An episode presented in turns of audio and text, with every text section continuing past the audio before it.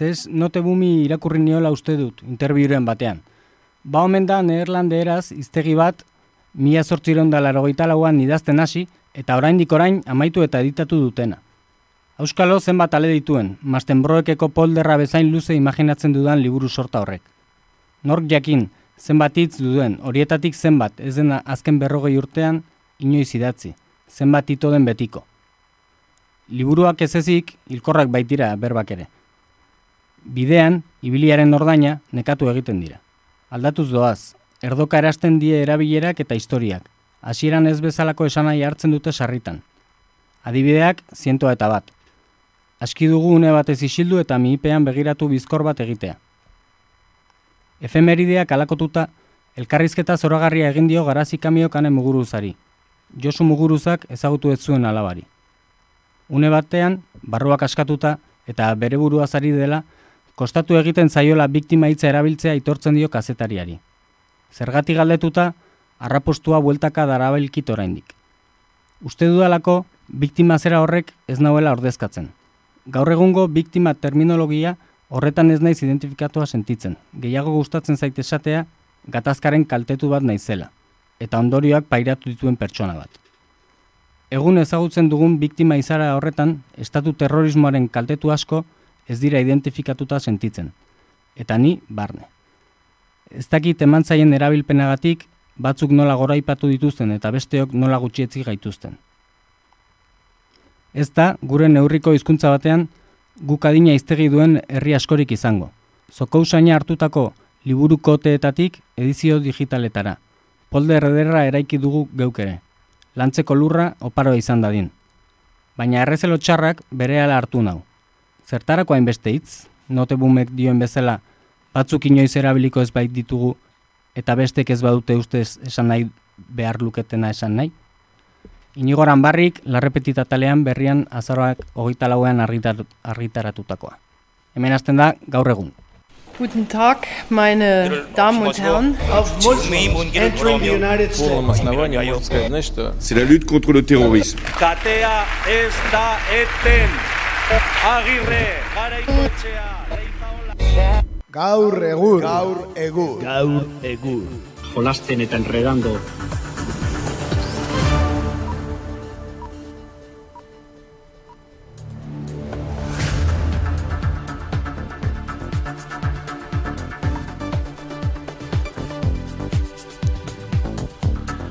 Arratxaldeon, Arratxaldeon, guzti hoi. zuzen zuzenean gaituzue, gaur e, azalaren hogeita bosta da astelena, zazpirak eta iru minutu bertan.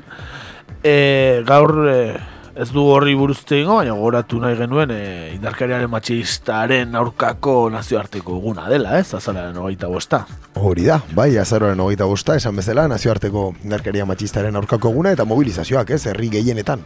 Bai, hori da, mobilizazioak eta, bueno, beste egun batean seguru hitz egingo dugu horri buruz, edo borroka feministari buruz, urtero ematen diogu atalen bat, ez, saiatzen gara behintzat. Hori da, bai, elkarrizketaren bat, edo behintzat reportaien bat beti prestatzen dugu, beraz hortxe gelditzen da kontua. Eta horrelako egunetan gertatzen den bezala, aurpegi zurik eta eguna ere bada, ezta? Komunikadi batzuk eta agintari batzuek eta abar, ezta, ba.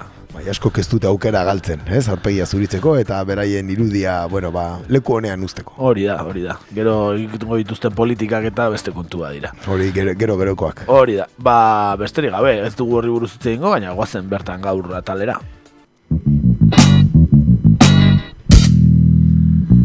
Bertan gaur.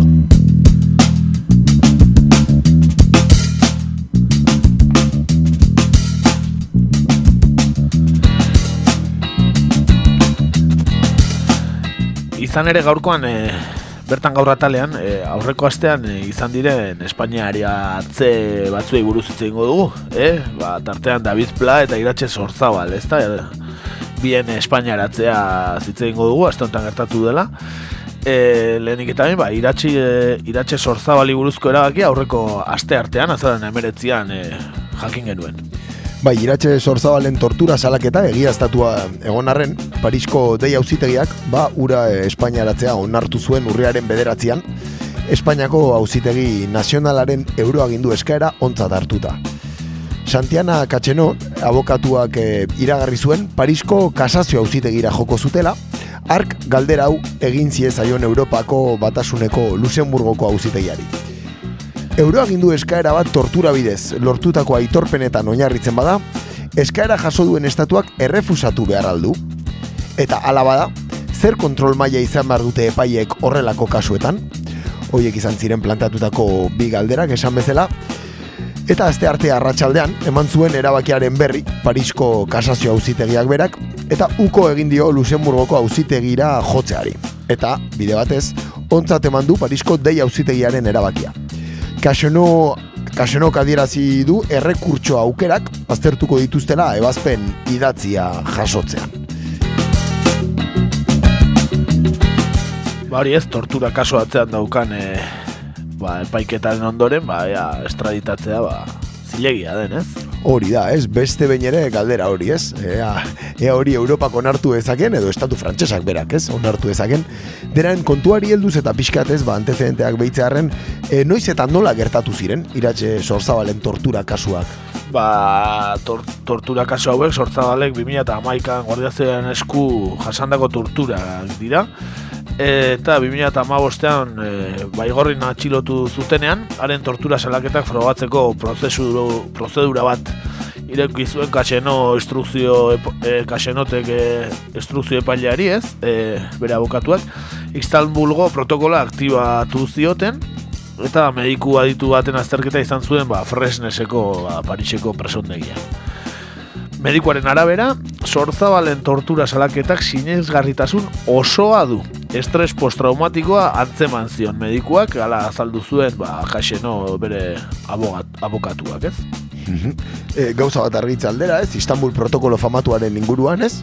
E, nazioarteko erakundeak aintzat hartzen duen protokolo badala, tortura kasuen e, egiaztatze, ba bueno, ez? Bide horretan, ez? Hori da dagoen protokolo estandarra, eh? beraz hoxe, ez? Hemen, Bai, bai. eh, aipatutakoa, ez? Iz, izenaren ironikoaz aparte. Bai, desde luego, desde luego, eh? Bai, egia da, ez dala oso aproposa, ez? Horrelako Bai, bueno. kesuak eh, ikertzeko, Eta badago eredugarria Turkia, ez da Istanbul ere. zer- badago zer ikertu Istanbulen bertan, ez da? Hori da. Dena, bueno, e, tortura kasuak euroagindu bat eten dezake? Edo, edo ez da posible? Ba, gaur egun aukera oso gutxi dabe. Euroagindu bat ukatua izan dadin, eta legeek aurre ikusten, legeak aurre ikusten ditu, ez? Ba, baina Europako batasuneko Luxemburgoko auzitegiak beste kasu batzuk ere ireki ditu, 2016tik aurrera, eta horrek ba, jurisprudentzia sortu du, ez? Hala, ba, eskaerak ukatzeko motibo gisa onartu du euroagindua eskatu duten estatuko espetxe baldintzak tratu txarrarekin parekatzea, eta euroagindua eskatu duen estatuko epailen independentzia falta ere, bai? Edo, edo epailena independentzia falta edo espetxeetako egoera baldintza txarrak, ez? Egoera larria. Kasu honetan torturak eh, ba, onartu badira eta ez, eh, frogatutzat ematen badira, ba, berez sartu beharko litzateke. Bai, badirudi ez, bietako batean, ez eta kalabozotan izan, ez, tres kantoseko komisaldeiko kalabozotan izan, Bai. e, hox ez, e, hor parekatu genezake. Mhm. Eta, bueno, e, iratxe sorzabalen kasua hor sartuko genuke edo, edo ez da hor sartzen?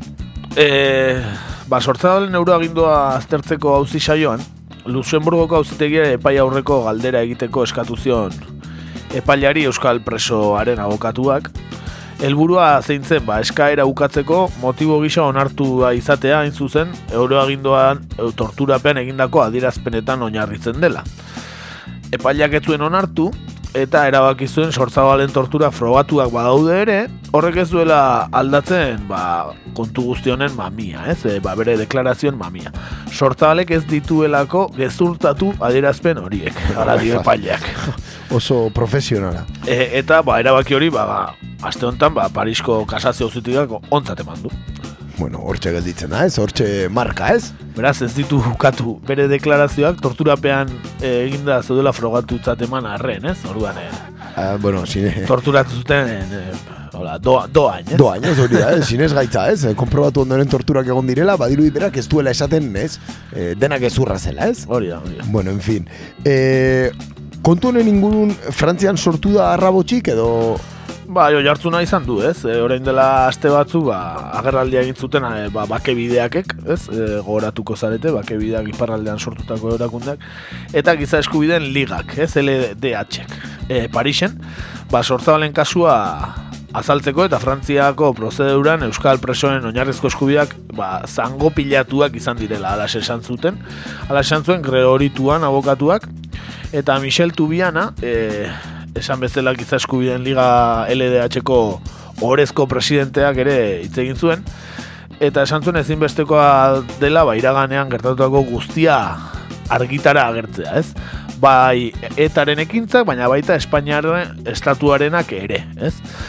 Zauriak izteko biktimen aitortza beharrezkoa, giza eskubiden errespetua ezin da aldakorra izan, arrelaxe esan zuen e, Michel Tubianak, ez? Eta, bueno, ba, erabaki guzti hau, jo, e, honen berri izan genuen azaroaren emeretzean, aste artean, eta hurrengo egunean azaroan hogeian ba, David Plaren euroaginduaren erabakia ere iritsi zen. Bai, bai, Parisko dei auzitegiko instrukzio ganberak onartu egin zuen David Pla Euskal Presoiaren eh, aurkako euroagindu eskaera, esan bezala. Eta defentsak e, gaur bertan elegita aurkeztu du kasazio auzitegian eta ark bost bat asteko epea du ba ebazpena emateko. Bitartean Pla ez dute Espainiaratuko, Eta uzitegi nazionalak eskatu zuen e, euroagindu hau. 2008ko ustezko itzordu bat zela eta. Alboka taldeko kidea izatea egozten diote David Plari etaren eta Euskal Preso politikoen kolektiboaren arteko lotura egitea eta presoen kolektiboa kontrolatzea leporatzen diete auzi horretakoei. Aspalditik e, dabiltzan kontuak, ez? Presoa kontrolatzearen, ez? Bat baino joi auzi peratu dute kontu honekin. Bai, hain bat, e, sumariorako, ez? E, pieza izan da, ez? Edo argumentoa izan da hori, Bai, ez da? hori da. Mhm, Eta bueno, kasu honetan ezertan oinarritzen da eh, Espainiar estatuaren eh, eskakizuna. Ba, bueno, auzitegi nazionalak aurkeztutako akusazioengatik, e, Frantziako poliziak 2010ean atxilotu zuen pla endaian, baina handik lau egunera aske geratu zen. Epaiaren aurretik pasa gabe, karguri gabe. E, zehazki, Madrilen akusazio dio 2018ko maiatzen amazazpian mimizanen etakide batekin bildu zela pla. Baina Xantiana Kaxenot, e, sortabalen abokatu berbera da Albert, ui Albert, David Plaren abarkatu, defentsa abokatuak, ba, ba joan den hilaren bukaeran, e, dei auziteiko auzi saioan azaldu zuen gertakari horiek Frantzia arrestatuan e, gertatu zirela, eta ba, Frantziako poliziak aztertu zuela gaia, epaileak pla bere ala karguri gabe libre utzi zuela, eta orduan ba, Frantziako poliziak esaten duela, etzela zuzena ura 2018ko izurdu hartan e, egontzela, ez, David Pla. Hala dio Frantziako polizia, gala ere, Espainiako auzitegiak eh, eskatzen du, ba, horre, horregatik, ez? Bai, Frantzian egindako balizko delitu batengatik. Hori da, eta Frantziako poliziak dioena ez da nagertatu. E, Kaseno abokatuak zioen Parisek egiaztatuta dukala egun hartan, Parisko kartzela batean zegoela, Euskal preso bat bisitatzen. E, Kasenotek poliziaren akta bat entregatu zuen iraileko auzi saioan, eta hala ere prokuradora euroaginduaren alde agertu zen, eta orain epailea ba, ba, ezin da ulertu erabaki alaxe esaten du abokatuak, ez? E, berriari egindako adierazpenetan.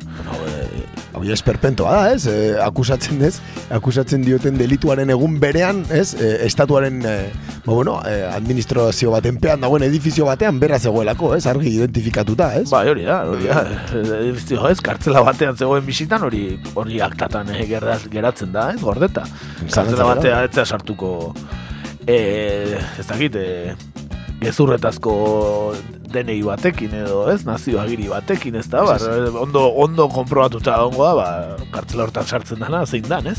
Bai, desde luego Euskal Personen bat noiz bisitatu duen orok badaki ez dela hain erresa, ez? Olako, ez? Horregatik, horregatik, konprobatuta baldin badago, ba, ez dakit nola auzitegi nazionalak akusatzen duen horregatik, euroagindua nola onartu dezaken Frantziak, ez? Fu, en fin, ez? Hemen ere badago, badago asuntoa.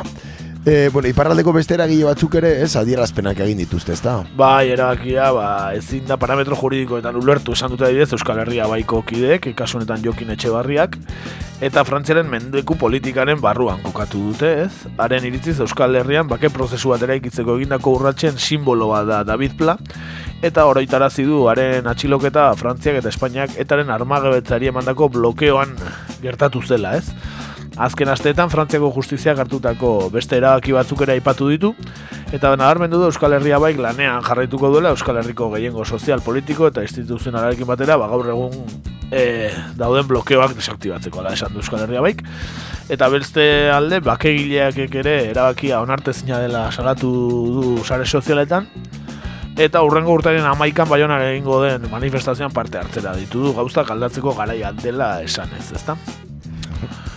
Bueno, e, kontua Euskal Herria baiko kideak zion bezala, horti joan daiteke bai David Pla eta bai iratxe sortzalen kasuan, ez? E, ba, etaren azken garaietan atxilotu zituzten, esan ez buruzagiak zirela, ez? Eta, eta bueno, goratu dezakegu, ba, poliziaren arabera, behintzat, bai iratxe sortzal eta David Pla, ba, eta karma ustearen estrategeren barruean kokatu zituela, Beti ere poliziaren arabera, 2000 eta bederatzean, orain amar urte, etaren sueten iraunkorra ezagutarazi izenean, ba, bi hauek hitz egin zuten, ez bideo famatu hartan ala dio polizia behintzat. Beti ere poliziaren arabera, ez hortxe gelditzen da, ez hauzitegi nazionalak ez eskatu eskatzen dituelako euroaginduak diot. Bai, bai, bai. Hori da, poliziaren arabera, ba, hauek zinen David Pla eta iratxe sorza, balentzun dezagun David Pla. Euskari askatasuna Organización Socialista Revolucionaria Vasca de Liberación Nacional, desea mediante esta declaración dar a conocer su decisión. ETA considera que la conferencia internacional celebrada recientemente en Euskal Herria es una iniciativa de gran trascendencia política. La resolución acordada reúne los ingredientes para una solución integral del conflicto y cuenta con el apoyo de amplios sectores de la sociedad vasca y de la comunidad internacional.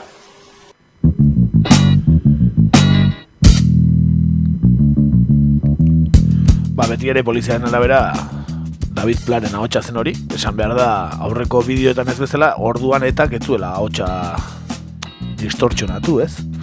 Beraz, bueno, agian erresagoa egingo zitzaien poliziai e, e, jakitea zeintzen ahotsa horren atzean zegoen pertsona. Bai, areta gehiago Espainiar estatuan hainbat eta hainbat urtetan preso ondoren, ez? Bai, hori da, hori da, bai, ahotsa ondo registrotuta izango zutela pentsatzen den. E, eta euskeraz berriz diotenez, ba, iratxe zortzabalek irakurri zuen ardu hortako agiria, beraz entzun ezagun bere hau ere.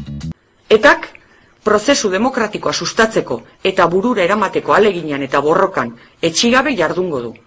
Euskal Herrian egiazko egoera demokratikoa erdietxi arte. Gora Euskal Herria eskatuta, gora Euskal Herria sozialista, jotake independentzia eta sozialismo lortu arte, ba, dirudienez bera iratxe sortza, bale? Orduan, e, guzti honen atzean, euroagindu honen atzean, e, ba, esan dezakegu, ba, Espainiaren, ez? Trofeo nahi hori dagoela, ez? Bai, bai nahiko e, harrigarria egiten da, ez? Gauden garaietan egon da, ez? E, dirudienean gai honekia ez duela inungo, nola esan, remanenterik ematen, no, ez? Ez duela inungo benefiziorik ematen, ba, bueno, jarraitzen dute horrelako kasuek, ez? Dena den hor, eta fondoko analizia batez ere bada e, estatu frantsesak, ez? Tortura kasuen inguruan hartutako jarrera, ez? Behin eta berriro. Ez azken finean, iratxe sorzabalen kasua 2000 eta bateko atxiloketa horretan oso e, entzutetsua izan zen, argazkiak lortu ziran, bai, e, Guardia Zibiaren eskuetan elektroden aplikazioaren ondoren ba, gelditutako markena, eta, eta bueno, ba, edapen handia eukizuten, bai Euskal Herrian eta bai nazioartean e, de hecho, bere salaketa ere nahiko urrutira iritsi zela, esango nuke, bai, e, auzitegietan edo nazio batuen erakundean aurkezutako txosten batzuetan. Ordu ba, bueno, hortxe dago, ez? Judikatura frantsesak ere oraindik jarraitzen duela, ez? E, horrelako kasuetan, ba, bueno, Espainiaren segidismo antzeko bat. Bai, eta David Plaren kasuan esan behar da, e, berez kalean dagoela, eh? libre dagoela frantziar estatuan, ez? Ez dago kartzelan. Ez, ez, ez, azke geditu zen, bere, bere kondena bere kondena maitu ondoren, okerrez baldi manago, eta, eta bueno, ba, dirudi berriro eskatzen zaiola, ez, e, ba, bueno, irugarren ez, ez, delitu bere egiteagatik estraitatzea, ze Espainiar estatuan espetxan egon zan, e, bueno, etarekin e, lutura zuen hauzi batean, Frantziar estatuan ere, eta bai irugarren ez, e, ez, e, eta kokide izateaz, leporatuta Espainiaratu nahi dutela. Beraz, bueno, ba, irugarren aldiz delitu edo generiko berdin baten gatik, ez? Pertenentzia banda armadaren generiko horren gatik, ez? Bai, bai. Agian e, izango dira, ba, Espainiar e, gizartean, ba, gelditzen diren kako txartean etakide famatuak, ez? E, ba, kartzelaratzeko eta espainiaratzeko daudena, ba, bueno, ba, titularrak betetzeko, ez? Eta e, Pedro Sánchez balizko e, presidente eta honet hasiera, ez, ba, pixkat goxatzeko e, eskuinari, ez? Duari, gabe hor ere, ez, gauza asko jartzen dira mai gainean, ez? Ba, adibidez hauzitegi nazionalaren balioa, ez? Gaurko, bueno, aspalditik, baina gaur egun hauzitegi nazional horrek ze, ze ekin bide dauka, ez? Bai, korrupzio kaso batzuta ze arduratzen da, jihadismoaren kontuetaz ere. Secesionismoaz. Hori da, orain secesionismoaz, ez? Hor supremoak igual, ez? Eukidu pixkate nola esan, ba, paper nagusiagoa, ez? Aforatuak zirelako eta guzti horrengatik. Baina egia hori ez baian jartzen dela, ez? Ze funtzio dauka e, oraingo honetan, ez? Hauzitegi nazionalak. Eta eta hortaz aparte, benetan, e, kostatzen du hau ulertzeak, ze gaur egun akaso norbait gogoratzen da e, kontu guzti hauetaz, ez? E, biktima elkarte gutxi batzuk kenduta, ez? Ba, ez dut uste. Ez, ez, egia esan, ez. E, Baina, bueno, titularra beti betetzen dituzte, eta eta beti ere, ba, orain agian errezerekin e, negoziaketetan dabilen PSOE, ba, bueno, pixkat beste aurpegia erakusten PSOEren beti, ez? Dituen, e, bi jokatzen dituen bi aurpegi horiek, ez? Ba, pixkat erakutsi, e, bueno, e, gogorra garela e, terrorismoaren aurka eta independentismoaren aurka, ez? Hori da, ez? Estatua gara, ez? Estatua gara gu ere, eta ez? Hori da, eta legea gure alde dago, eta eta funtzionatzen jarraitzen du legeak, ez? Eta Espainiar demokraziak, ez? Hori da, beraien mezua, eta, bueno, batresna guztiak albidetzen dituzte horretarako. Zalantzari gabe, zalantzari gabe, eta gero badago hor ere ez, e, ga, nola esan, gabezi bat ere ez, e, kasu honetan iratxe sorzabalen kasuan oso, oso gauza adierazgarria delako tortura, tortura kasuen kontua, eta dirudi Euskal Gizartean ere ez duela aparteko zalapartarik sortzen horrelako kasu batek, ez? Nik uste gizarteak onartuta daukala torturak existitu direla eta masiboki gainera. Hori da. Baina, bueno, e, pasatako epe bat bezala geratzen da, ez? Hori da, ez, e, esango nuke gaur egun ia inork ez duela, ez, e, konsientziazio nahikoa ez dala egon, ez, e, maila horretan ez, gai horretan, eta eta hortxe emaitzak, ez? Ez dago inor ez da eskandalizatzen horrelako zerbait gertatzen danean, ez? Etzen gen lehen eskandalizatzen, Hori ba, da. orain, are eta gutxiago, ez? Hori da. bueno, e, kasu oso oso bakan batzuetan ezik, ba, gehienak ez dira ez da epaitu, ez da ikertu ere.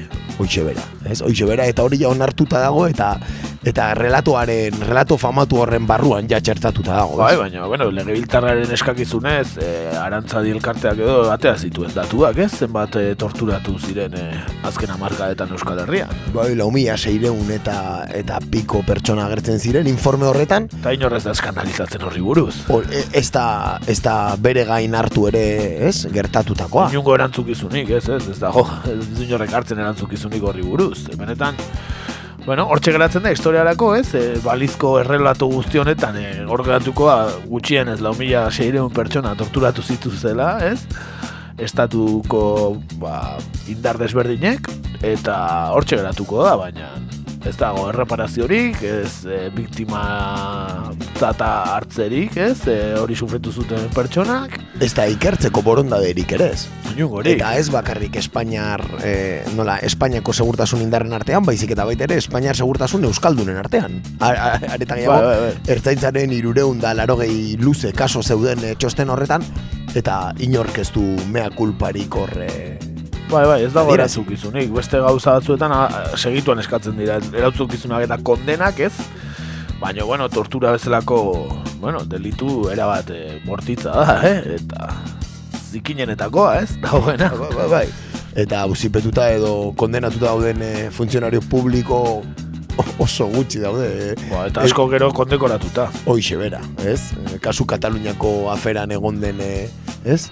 Eh, De los Cobos edo, ez? Eh, koronelura, ez? Guardia Zibilaren parte zenean, Bai, bai, bai. kepa hurra eh, atxilotuaren tortura kasuan hau ziperatua izan zena, eta orain Kataluniako despliege guztia bera komandatu du. Ba, bueno, Ba, bai, eta telebistan agertu da, ez? E, gizon oretsu modura. Bueno, ba, horrela gauzak, eh? Amar urte pasa dira deklaraziura etako kideek irakurri zutenetik, eta, bueno, oraindik horrela jarraitzen dugu. Bai, e, bueno, izan da berri gehiago, ez? Aste honetan, ez? E, parte de guerra lehen deitzen genion, ez? E, horretan, ez da? Bai. Ez? Hain zuzen ere, Asier Ezeiza Euskal Presoa behin behinan e, Espainiaren esku. E, ustea erabaki zuelako aste artean Frantziako justiziak. E, sei hilabeteko epean, bidaliko dute, eta gehienez ere hiru hilabete atxikiko dute bertan. E, Auzitegi nazionalean, bere kontrako epaiketa egiten duten bitartean. 2002ko ustaian, e, Alakanten eta Benidormen, e, herrialde katalanetan, bi atentatutan parte hartu izan leporatzen diote Asier Zeizari, eta 2008an atxilotu zuten Dionen, Frantzin, e, Olga Komesekin batera. Hiru aldiz kondenatu dute Frantziako auzitegiek eta zortzi, sei eta bost urteko presondegi zigorrak ezarri dizkion. Beste Espainia eratzea, hau behin behinekoa e, epaiketarako, ez? Hori da, afera judizialen gatik. Espainia eratze temporaloiek jarraitzen dute, ez? E, existitzen, eta bueno, ba, epaiketek aurrera, aurrera jarraitzen dute, ere, eh? Bai, bai, eta ez dakit, e, batzuk e, optimista dira, agian, e, e, gobernu ezkertiarra goa sortuko dela Espainian eta horrek bideratuko ote duen pixka bat presoen afera eta abar, baina, bero, ben gauzak ez dira ezer aldatu eta esan dugu bezala amar, urte pasa dira, amarkada bat. Marka bat, ez? Hasieran bazirudien gauzak motelak izango zirela, baina... Hain motelak ere? Horein badirudi gauzak horrela direla, ez? Bai, bai. Horrela direla. Direla aldatuko, ez? Hori da, eta gobernua aldatzen dela, baina estatua ez dela aldatzen, ez? Hala dirudi, hala dirudi, eta dirudienez... Eh, ba, Euskal preso politikoek eh, kondena guztia beteko dute denek eta denek eh, dispersioarekin gainera. Desde luego, orain egin daiteken irakurketa eh, hori da, eh, hortxe, hortxe prebizioa. Bai, bai, ez dago besterik, eh, eta git, kusiko dugu, e, e, adibidez EH Bilduk ze bozkatzen duen e, legislatura honetan, ez, e, Pedro Sánchezen alde edo ez, edo ze baldintza jarriko izkion, edo astenitu egingo den, edo ikusiko dugu, baina, bueno, e, zeo zer balago negoziatzeko Espainiako gobernuarekin presioen afera izango da, H bilduren e, ikuspegitik, ez? Ez dut uste HT-aren kompetentziak eta eskatzen dira joango denik? Ba, ez dirudi prioridaden, ez, eh, horrian dagoenik, ez? Euskal presioen afera nahiko, ez, nahiko astuta dagoela, esango nuke? Urtarrilean gogoratzen dugu, ez? Hori da, ez, egiten da manifestazio bat, ez, erraldoi bat Bilbon, pixkate horre tradizio edo, ez, e, urteko ekimen hoien antzartu duena, kilometroak batena adibidez, ez? ez dut esaten jai giroagatik, eh, baizik eta ohitura horrengatik, ez? Bai. Eta eta ondoren hor badaude gauza batzuk, ez? E, nahiko deigarriak direnak, ez? Azken aldian adibidez desente harritu nau zenbat e, mobilizazio egon diren, ez? Eta eta ongietorriak noski e, atxasuko gazteen inguruan, ez? Eta ze mobilizazio gutxi, ez? Dauden e, euskal presoen e, inguruan, ez? Nahiko deigarria egiten zaite, Bai, ba, dirudi, ba, hori, torturena bezala, ba, pasatako epe bat balitz modura, eta hori kontuan izan da, ba, senitarteko eta lagunak, e, oraindik kilometro pilo bat egiten dituztela astero, aste honetan ere egon da istripu bat. E, bi, azkenen. Bi istripu, bai. begira. Aste honetan bi istripu egon dira berriro, ez, bisitatik buelta zeto zen pertsona horiekin, Eta eta gehiago, esango nuke zen artean e, nahiko mm, abandono sentsazio bat existitzen dela ere, ez? Ez dagoelako ja gaia pilpilan eta eta bueno, ba hor hor gelditu delako, ez? Hemerotekarako gelditu da oraindik gertatzen den gauza bat, ez? Kuriosoa baina. Ba, ikusiko dugu, e, badirudi herrian ez dagoela mobilizaziorik eta eta ordezkarien negoziazio eta lan agendetan ere, ba, ez dakito nun dagoen, gagian sukaldeko lan famatu hortan hariko dira, baina, bueno, bintzat, e, ikusle modura ez dugu ikusten, ez? Bai urte esente dira, ez? Sukaldean, e, ez? E, sukaldean egiten direla Euskal Prosoen aferaren inguruko kontua, baina ez dirudi nola esan, menua ez da ateratzen, ez? Bai, bai, ez da entremesak ere. Hoxe bera, ez? Entremesak ere ez dira orain dikatera, orduan, bueno, bai, sukalde hori nahiko zu txikikoa dela. Eh? Bai, bai, ezagite, zea, izango da, ekonomika, ekonomika. Hori, azarro dietako bat izango. Bueno, ba, mentxe utziko dugu, eh? beti ere presoen gaia urtero hitz egiten duguna urten bai, baina hoi agota, baina, bueno, gora zi beharrekoa ez da. Hoxe bera. Eta, ba, besterik gabe, nazio artera joango gara. Aurrera.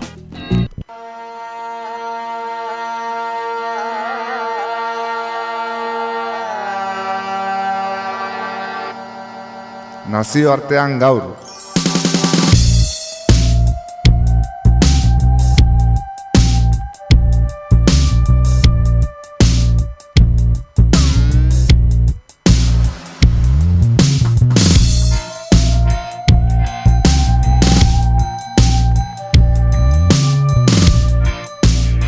Beno, eta nazio artean zer, ba, lehen aldiz denboraldi hontan, e, Afrikara joango gara, gure Afrika maitea, bazan garaia, eh? Beste eh, Ego Amerika eta, eh? Eta erki arde urbil, bazan garaia Afrikara bida etxo bat egiteko.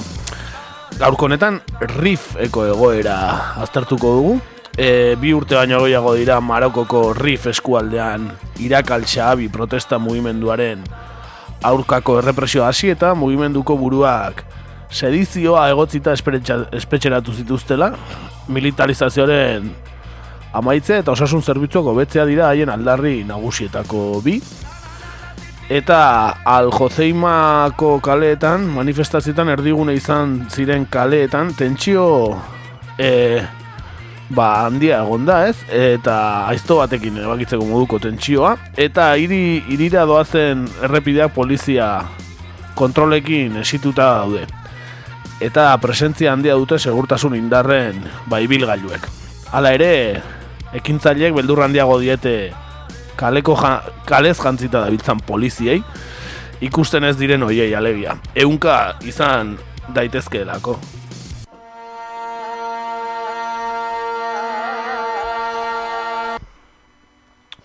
Musika pixka jarri behar genuen rifekoa. E, bueno, guazen ba, zer, zertan da rifere, rifeko egoera hori? Aurrekoan, kafetegi honetan bertan, erregea kritikatzen hasi zen mozkor bat. Bat batean, dozenaka lagun olda- ordar, oldartu zitzaizkion. Kafetegiko bekter bezeroak ziren ustez, atxilotuta eraman zuten. Omar eh, Lemalen zen mintzatzen ari zena, hitz egiten ari zena, eh, Rifeko memoriaren elkarteko presidentea da bera, izan ere Mohamed Seigarrena erregearen figura sakratua da Morokon, eta Morokoko beste hiri guztietan dago mosaiko handi bat, bakizu edozen menditu ontoretan, ez dakit bertan egon zareten edo nork, ik- ikusiko zenuten ez, eh, nola dagoen han bazter guztietan jainkoa berria erregea, eh, izkiak jarrita. Bai, bai, leku guztitan agertzen da errege jauna, eh? Eta, eta banderak ere bai, eh? Bai, bai. Eta aljoze, aljoze iman bertan ere eh, hala da. 2000 eta mazazpian, hogei mila polizia inguru zeuden hemen. Batzuk joan dira, baina oraindik hemen daude asko. Ez ditugu ikusten, baina badakigu hemen daudela. Ez direlako beraietakoak, ez da? Hori da.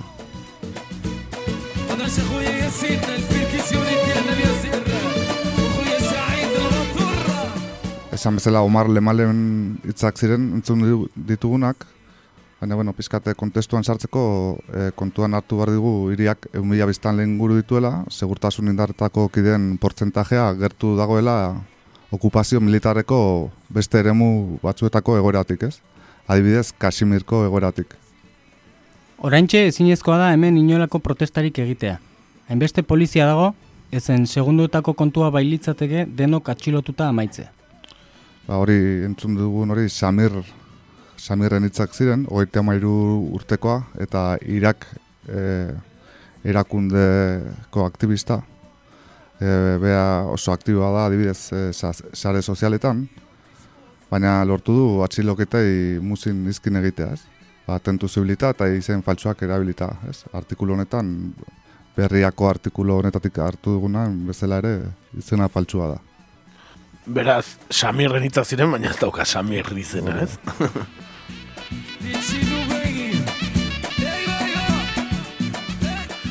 Esan dezu eh, Irak al-Shahabi eh, erakundekoa zela Samir izenez ezagutzen dugun hau.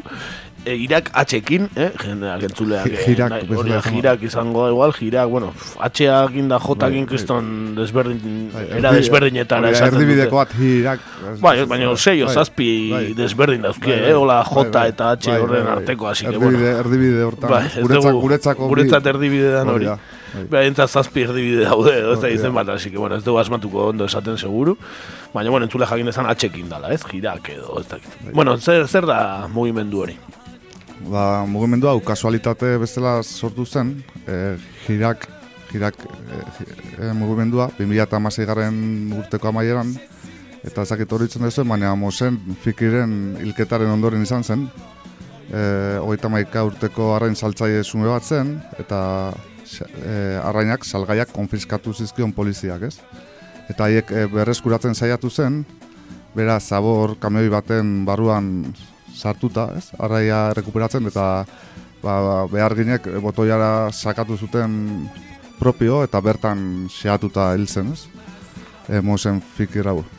Eta ba, gertakari dramatiko horren ondoren ba, protestak hasi ziren, da bertako gizartea esnaraz egin zuten, eta gazteria ba, protestan irten zen, ez, esan bezala.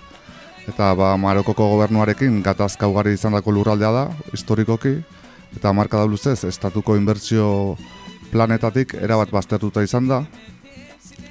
Eta esan, ba, fikiren hilketa izan eta hurrengo egunetan, milaka lagun manifestatu zirela, e, ogran, ograren, bueno, ogra ditzen dute polizia edo estatuaren errepresio indarrei, eta botere gehiagikerien eta agintarien humilazioen aurka ba, hori altxatu ziren. Ez? Mhm. Eta goratzen dutzaten irudiaiek e, Ni gorantxe ez ditut buruan, egia esan. Nik ere ez, egia esateko. Baina, bueno, esan daiteke Mosen hilketa, hil, hilketa eta edo hau izan zela, bueno, Bai. basoa gainezka egin zuen, ez? Egoera gogorra zen eta ja izan zen, ez? E, bai, Detonante. bai, hori da, estanda, estanda ekarri Estanda, zuen, ez? bai, protesta latzak izan ziren bai.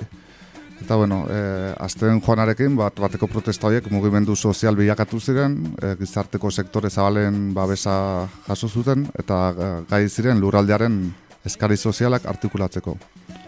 Eta eskarien artean zeuden adibidez, ospitale bat ere ekitzea, Esan barra da, mila behatzen da berrogeita mazortzi garren urtetik indarrean zegoen militarizazioa amaitzea eta eziketa zentro eta unibertsi- unibertsitate gehiago sortzea.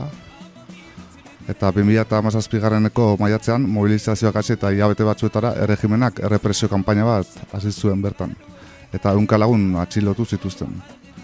E, Ji- Jiraken lider nagusiak, Nasser Zafzafi eta beste batzuk sedizioagatik zigortu zituzten eta hogei urteko arteko kartzela zigorra ezarri zuten. Bueno, ikusten dugu sedizioaren kontua, ez? E, demokrazia guztietan ikusten dela, baita Marrokoseko bezalako demokrazia sendoan, ez da? Hori esatera ni joan, ez? Edizioa nahiko zigor rekurrentea dela, ez? E, justo demokraziaren kontrako etxaien kontra, ez? Bai, bai, hori da, ez? Ikusteko baita ere, bueno, Espainiar estatua ze demokrazia ligatan dagoen, ez? Hori da. Pixka konparatzenko, ez? Bai, e, eboren opo, opositza, oposito, ez? E, oposizioak ere hori eskatzen dute, ez? E, ebo bera sedizioagatik. Sedizio eta terrorismoa garaitik epaitzea, ez? Modan jarri du, modan jarri du, ez? E, Osea, ere, Erdogan ere laizter sartuko da talde hortan seguru. Sedizioaren ligan. Gustatzen zaio eh, Espainiaren moda olatua jarraitzea, ez? Beraz, sartuko zaigu Erdogan ere, seguru. Bueno, ba, bertan ere, ez? Marrokosen ere, bueno, sedizioa eta... Bueno, esan behar da, kulturalki eta ere desberdinak direla, ez? E, bertakoak ez, amazigak edo bere berrak edo ez, Bai, ezagutzen bai. ditugun modura, ez? Hori, e, ba, pizkat, e, esplikatzearen, badia, arabiarrak iritsi aurretik zeuden bertako ba, herri, herria zen, amazik herria. Eta ba, beraien erligioa eta beraien hizkuntza ba, ez dira, ez daukete zer ikusirik e, gero jaso duten arabiar hezkuntzarekin eta arabiar hizketarekin eta bueno, Bai, gaina, hizkuntza era bat ezberdina eta, bueno, gero Marrokosen Bai, zehar bai. ere oso sakabanatuta bai, dagoen erligio, pa, pa, ez? erligio paganoak eta ba, baita. Marrokos eta Argelian ere, bai, ez? Bai, hori da. Bai, kolonizazioaren ostean, nolabait, e, aldegin behar izan zutelako errefusiatuen kanpamenduetara askok, eta Bai, e, baita, du ez da ere ziurrez, baita Kanarietako e, hau- jatorrikoekin ere, ez, ba, etnikoki antzekoak zirela, edo, bueno, familia... Guantxeak edo nola dian, bai, janariarrak? bai, Guantxeak. bai, Bai. Bai, bueno, ba hori, ez, e, ba, musulmanak edo, ez, ara, arabiar hizkuntza Afrikara iritsi baino lehenagoko, ez, Hori e, zibilizazioa, esan dezagun, edo. bai, hori da. Eta nola, nola ikusten du amazik herriak edo rifeko biztanlek nola ikusten dute gatazka?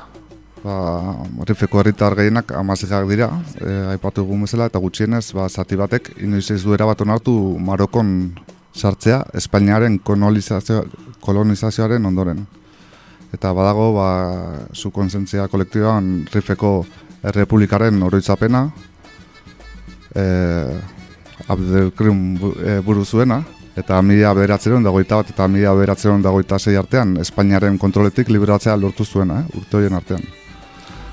Historia hori ez da kontatzen eskola liburuetan. Ari buruz ez da hitz egiten edabidetan, baina oroitzapen hori oso presente dago. Eta pixu handia hartu du batik bat gazten artean. Jiraken eraginez. hori lehen hitz egin duen lemalen beraren hitzak dira, memoria historikoaren arloan diar duen ekintzaia da bera, eta Espainiako eta Frantziako tropek berriro okupatu zutuen lurraldea, erasoaldi basati baten ondoren, eta esan behar dago, lehen aldiz arma kemikoak erabili zituztela herritar zibilen aurkako bo- bombardakateotan. Eh? Eta izatez, eskualde horretan nabarmen handiagoa da minbizia duten herritarren porzentajea. Begira. Hori zentzen erabil zuten Espainiarrek. Eta Frantziarrek, Eta bai, bai. Frantziarrek, jo.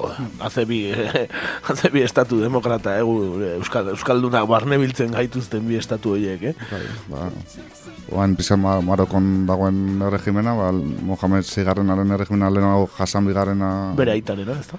Ba, hori da, Espainiarek eta Frantziarek utzi duten legadua, ez? Marokon. Bai, bai, Sahara errekin egin zuten modura, ez, aprobetxatuz, ez, e, Espainiak, bueno, deskolonizazio prozesu bat zuela abian edo, ez, esan dezagun. Hori da. Bueno, ikusten da baita, ez, e, be- beste bain ere europearren eskuak, eh, ez, ekarri dituen, e, bueno, ondorioak edo izan daitezkenak, ez. Bai, eta hori, ba, Rif eskualdea da Marokoko eskualde pobreena, txiroena, eta, bueno, pizkata ipatxarren baita, honea, adibez, gure artea etortzen Euskal Herria etortzen asko inguru hortako dira, eh? Bai, ez dakik, eh, esan bezala, bai, no, inguru behartzuena inguru hori da baita. Bai, mendi, mendi gunea da, ez, edo? Bai, bai, bai, bai. daiteke, ez, Bai, bai. Rifeko gunea, ez. Bai, eta Espainiako e, Meliako mugatik eh, gertu gertu dagona. Moru. Mhm. Bai, bai. Eta, ba hori, e, Espainia izan zena, eh? Hori da. Hori da, han jaso zen anualeko bataia ezaguna, ez? Hori Lemalenek aipatzen zuen bezala ez dela asko irakasten, eta bertan Espainiak sekulako sarraskia jasan zuen, ez? Abdelkrim honen eskutan. Eta hortik sortu zen bertako protekturatua, ez? Herrifekoa. Baina, bueno, hori ez dugu ikasten eta horrek e, sekulako eragina izan zuen baita ondoren, ez? Gerra zibilaren aurretik eta kausa handi bat bezala Rifeko gatazka eta kolonizazio garaiak eta egon ziren, ez? Etzian egon Franco eta bera eta burruka hontan, Bai, ez, bai. Frank- gerra hontan Franco Ba, bera. da, Franco, hartu. Franco Marroko zen zegoen, ez? E, korneta zan garai horietan, ba... Ondo, adosko igualtan, eh? bai, bai, gerra famatua da hori, ez? Hor, hor galdu zuen barrabila edo nola izan zen hori, ez? Eh, amnestu mitoa, mitoa da Hori hori. ez dakit, e, oain atera dutela, igual mitoa egia zan jakiteko garaiona zan, ez? Ikusteko Bai, barrabil bai, bat zeuken edo, ez? bai, igual ez beste dute horretaz hitz egin deseginda, telebistan. igual, igual, ez? Ba, momia zan, así que... Bai, momia zan, oraindik. Baltsamatuta dago. Bai, marxan matuta dago? Bai, jauna. Ah, jode, nik usten duen bakarrik eh, lider eh, komunistak balsamatzen zituzten, baina, ez? Ikusten danez fascistak ere, bai. Bai, gustoko zaie, lider, lidergo handia duten pertsonaje hauei gustoko zaien baltsamatzea. bueno, eta jarraituz, Rifeko herritar gehienek nahi dute amazik kultura trata dezatela arabiarraren pare, baina gutxiegongoa da independentziaren aldekoa. Ez dut uste euneko geira iritsiko direnik. Aldarri horri, aldarri hori, aldarri hori egiten duten gehienak diasporan daude. Hori eh, azaldu diguna Marzuk Xamik da, amazi jerakundeko lendakari ordea, eta Meliarekin muga, muga egiten duen herri batean bizi da bera. Badakigu oraingo erregimenarekin inora ez direla iritsiko autonomia eskariak. Eta gazte asko hasi dira independentziaren aldarriarekin bat egiten. Arretan diz, jarraitzen ari dira, ari gara estaturik gabeko beste nazio batzuetan zer gertatzen den. Katalunian, Euskal Herrian, Kurdistanen, Ba, hori, Xamirre, Xamirren hitzak ziren. Bueno, ba, Hori. guk ere saiatzen gara beraiena, ez? Ba, Jarraitzen, ez? jarrituko diegu, noski, beti. Ez dakit Euskal Herria oraingoan eh, eredu handiegia da azken garai hauetan, baina, bueno. Euskal Herria zer den galdetzera nioan, baina, bueno, horrutziko du. Baina, bueno, autonomia ez badute nahi, ze, claro, autonomia nahi badute, bueno, Euskal Autonomia Erkidegoan eredu parega daukate, eh? Oasi Euskalduna, eh? Oasi bat nahi badute rifen, eh? bai, ba, ez litzateke txarra. Eman dezatela urkulu jauna guk utziko diegu, eh? Ea jota bezala galderdi bat sortzen, bueno, ez diegu gomendatzen, ez? Egia esan ez. Hala? Hori da.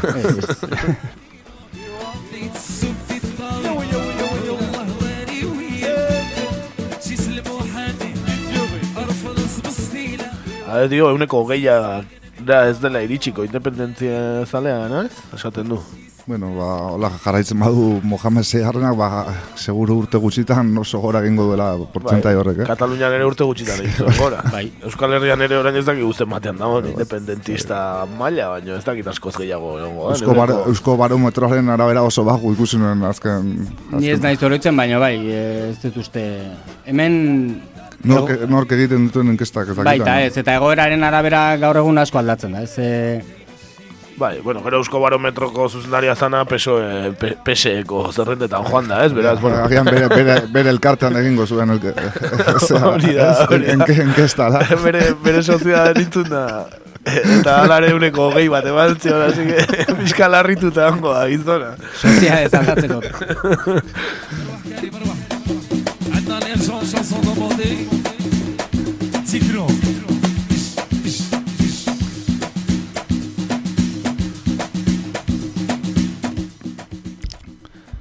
Esan jazarpenaren ondorioz ezinezkoa dela jakitea jirakek zenbateko babesa duen aljoze iman, baina itxura guztien arabera ba, oso handia du, eh? Gehienek babestu egiten dute. Behar bada, salbuespena dira alderdi maroko harretan dabilen jendea. Baina begira, politikari horietatik gehienak ere ez dira usartzen diskurtsoetan mugimenduari buruz gaizki hitz egiten. Ba, hori ohartarizu du lemalenek, eta ez dirudi errepresio hutsak lortuko duenik rifeko revoltak geldiaraztea, mila bederatzen da berrogeita mezortziko altxamenduak baino intentsita- intentsitate txikiagoa du orengoak, baina Mohamed Zigarrenaren buruko min nagusia da, eh? Eta badiruri segitzeko asmoa duela jirak. Bueno, ba, sedizioa ere sartu diete, ez da? Beraz, bai, Mohamed Seigarrena nahiko, bueno, ez, e, ba, ez dago nahiko, ez dago ez zaio bat ere gustatzen, ez, dirudien ez, ez, movimentua, ez? Ba ez bere, bere autoridadea edo ez baian jartzen duen edo zer gauza ez, e, deifikatzeko joera duten pertsona hori itzaile gehiagi gustatzen. Bai, bai, egia esan, e, ni uda hontan, bueno, e, izan dut zortea ibiltzeko Marrueko ingurutik eta, eta bai, lehen aipatu dezuena, eh?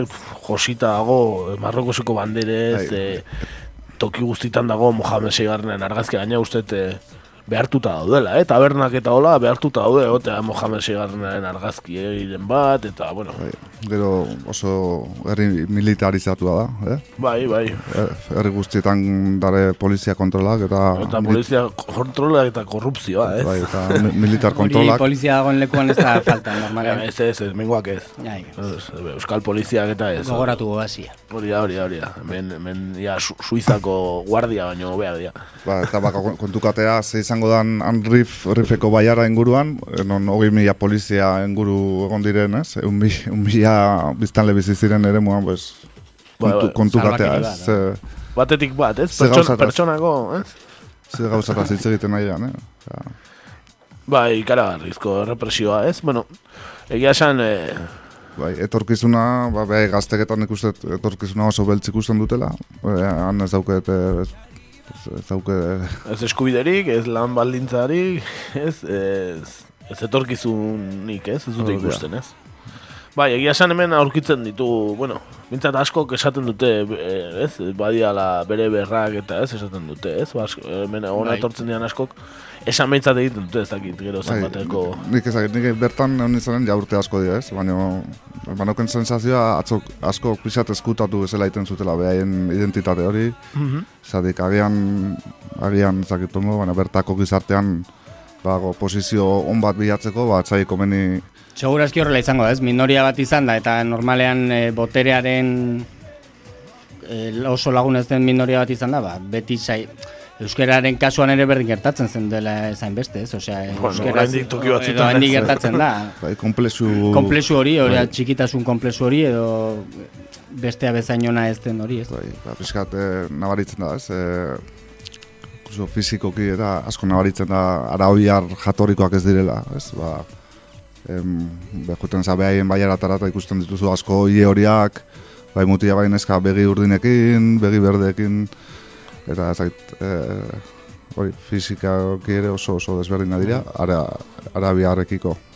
Eta esan duguna, erlijioa ere desberdina, ez, hizkuntza ere erabat desberdina, ba, kulturalki, bueno, beste herri bat, Beste ez? herri bat, hori da, beste etnia bat, eta beste herri bat, eta, bueno, Marrokosek ez du onartzen ez, bueno, hemengo antzeko jarre, egoeran, baina, bueno, Afrikan egoteak dakarrenarekin, eta... Kol kolonia hoia izatea denarekin, eta beste abar, ez? Eta, bueno, ba... Bai, herri zapaldu bat, ez? Bai, Eta- eta Marrokosen, ez? Espainian ez dugu esango hobeto gaudeni, baina, bueno, agian Marrokose, ba, oraindik eta militarizatuago, eta oraindik eta, ez, e, baldintza okerrago, eta, Bai, bai, ez? dudarik gabe. Faino Espainia restatuari aurpegi ateatzen bukauko, dugu, eh?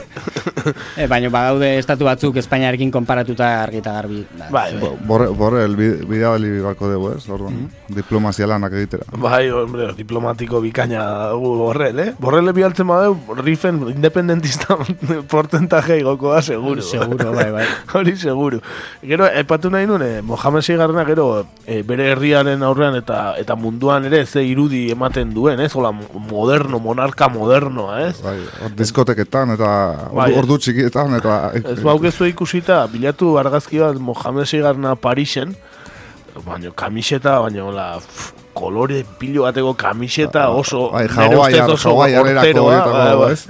eta Marrokoseko errega, eta kale garbitzaile batek e, e, ba, ezagutu intzun da argazki bat, eta bueno, bastante irtentzan bere egunen e, egunkaritan, eta abar, eta beretan e, Marrokoseko erregea zanikan ere ezin dezu espero lako piurekin esan dezagun, ez? Ba, goitz, ba, goitza nahi duen bezala juten da, baina ez da oiko errege bat horrela jantzita ikuste, ez? Bai, nahiko parranda zalea dela, bera. Bueno, errege izan da zein ez litzateke izango, ez? Nire ere bizitza soluzionatuko balidate, ez dakit ze oberetan, bueno, e, zeak eman, ez? E, ze honek ere ematen ditu presoi eta ematen dizkie ez askatasuna ematen die urtean behin, ez dakit zema presori, eta... Indultoa, ez? Indultoa hori. Ba, Espainian Eta- bai, ez? Bai, bai, baina ez da inbeste, honek e, estatu politika bezala ematen du, ez? Mhm. Eta, bueno, ba, hori indultuak eman eta trago batzuk hartu, erregearen bizitza ederra, ez? Bai, bai, hori da, baina hori gaina hori ez, saltzen dute monarka moderno modura, bueno, Espainiako dataz ere ez esan, ez? Antzeko gauzua da, ez? E, Hola, Felipe Bigarrena, Felipe Sí, Bigarrena, sí, sí, Bigarrena, Bigarrena espaldikoa. Bai, bigarrena izan zan... Felipe handia, eh? La batalla, la armada invencible izan zen... Ah, Felipe Egu- Seigarna eta... Eguzkia jartzen etzen imperioko... Ah, bai, bai, da bai. Carlos Bosgarrenaren semea. bai, bai, aspaldi. Aspaldikoa. Bai, bai, konfunditu naiz. Eske erregen izen eta zenbakiak ez ditut, oso ondo gogoratzen egia esan. E, esan ba hori, ez, hemengo, bueno, hemengo, Espainiako erregea ere berdin saltzen dutela, ez, oso pertsona preparatua, hizkuntza dakizkiena, katalanez ere itzen dituen lenguan, eh? Ez Alabak, ez? Eta beak ere bai, bai. bai. Alabak hain hobeto. Moten du klase gehiago eman ditula edo edo ez dakit, intimitatean eh, ikasiko zuen eh, gaznarrekin edo. Behar ba. Ez, ba, berdina, ez, ba, Marrokosekoa ere saltzen dutela oso monarka moderno modura, ez, eta ematen du, Saldu nahi digute, ez? Agian horrela. bai, bai, Bai, bueno, bai, bai. baina Marrokos da herrialde bat, e, nun e, potentzia nagusiekin oso erlazio ona daukan, ez? E, Bai, bai, bai. Espainiarekin gertutasuna bati, baina estatu batuak Bai. ekin ere, e, Europar batasunak izugarrizko dirutzak ematen dizki urtero, Marokori bere mugak babestearren, eta ba, esan barago, e, izugarrizko sarraskiak egiten dituela bertan. Noski, hori eske azkenen jendarme bada, ez? Turkiarekin gertatzen den bezala, baina hau erre, Erdogan ez bezala honek ba, prestutasunez eta nahiko sumiso onartzen ditu hau zeak, ba, potentzien potentzia nahi Bizkarrak, dutena bai, edo nahi. bai. bai, bere ordaina jasoko dure, bai, ez? Bere ordaina ziur jasoko dula. Gero, bi- bidai ederrak egingo ditu gero. Bai, Juan Carlos egin, igual, ez? Parranda zaleagoa ura, ez? Felipe bai, baino. Seguro hobeto eramango zara. Juan Carlosekin Feliperekin baino. Eh? Bai, ez dakit, Felipe ere igual intimitatean oso parranda zale izango baino, ez du ematen, ez? Serioa ematen da aita baino, ez? Bai, hori dirudi. Ikusteko dago eh, oraindik. Bueno, ba, bikaina, errepasoa, ez? Rif, batzutan azten zaigu zkigun herrialde horiek, ez Eta bertan, bertan daukagura, eh? Bertan, Bai, bai, eta oso toki polita da gainera, eh? Oso toki interesgarria, eh, Edo zein, eh, jende bikaina, kultura interesgarria, bai, Mhm. inguratzeko moduka, bai. hori da, edo zein eh, joan daiteke bi- bidaian, eta ez da oso bidai luzea ez da garestia, ez nahiko gertu daukagu, ez? Afrikan egon dagoela kontutan hartuta. Beraz, bai, ba, bueno, ask, askotan agian lehenago goratzen gara Kurdistan edo ez beste herri zapaldu batzuetaz eta eta rifeko herri entaz, ba, ez Bai. gara gehiagi goratzen, ez? Bai, erakutsi ere ez digute asko erakusten. Ez, eh, edabidetan egia esan behar da, aztutako gune badala, ez? Eta interesatuki aztutakoa, seguraski, ze Espainiaren, ba, Bai. erantzukizuna nabaria da, ez? E, gertatzen gauza askotan. Bai, eta gero, ba, Espainiak daukan e, eta Frantziak erlazioa Marrokosekin, ba, ez da, ez da, ez da komeni azaleratzea hemengo komunikabidetan, ez? E, Bai. Eta hori, gero izan da herri bat hain, hain txiroa izan dena eh, inguru hori, eh, Marokoko iparraldeko ere hori, hain txiroa eta hain zapaldua izan dena, ba, nik uste da, ja, ahots ez dutela izan, zagit, kemenik edo, zagit, eh, indarrik, ez? indarri E, bai, eta, bueno, badirudi, ba, egon dela bi urtetik onaia, hasi direla protesta geroz eta gogoragoak, eh, ematen do ondo zuzentzen ari dela, ez? Mhm. Jirak elkarte honen bitartez, eta, bueno, a ber, nora, no- nola segitzen duen mugimendu honek. Hori, ja, gertutik jarraituko dugula, eta mendik, ba, elkartasun osoa adierazten diogula, ez? Nola, ez? Hori da. Abestitxoa jarriko dugu, eta larekin amaitzeko, e, amazik hizkuntzan abesten duen talde bat, Tinari Wen eta Isbeg Atai abestia. Beraz, e, abestia jarri eta berta, bueno, momen- oraintxe bertan bueltatuko gara. Tira, Tinari Wen taldea.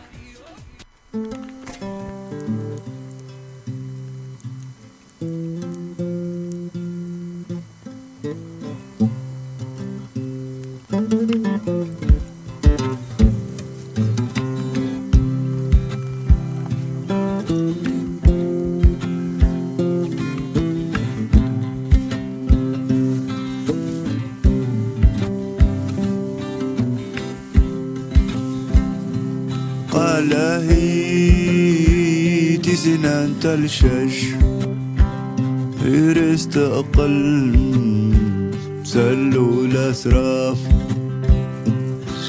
غتاي هنا الكاس. الزر شلهي أفزي سنتاي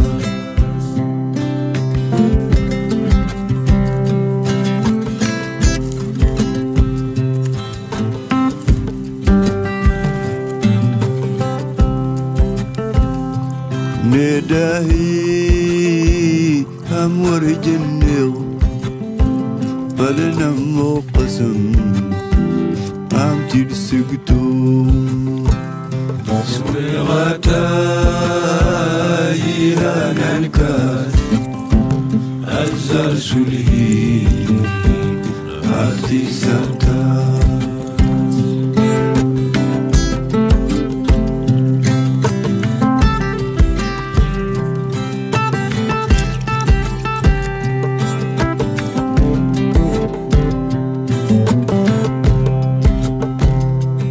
كريستال زل والأسرف أدس نقاد ناموس أسلاب شوي غداي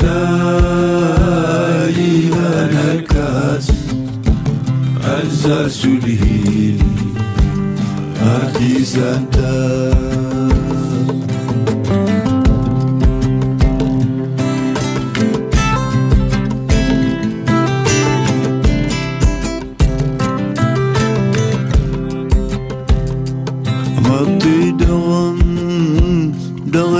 sillón.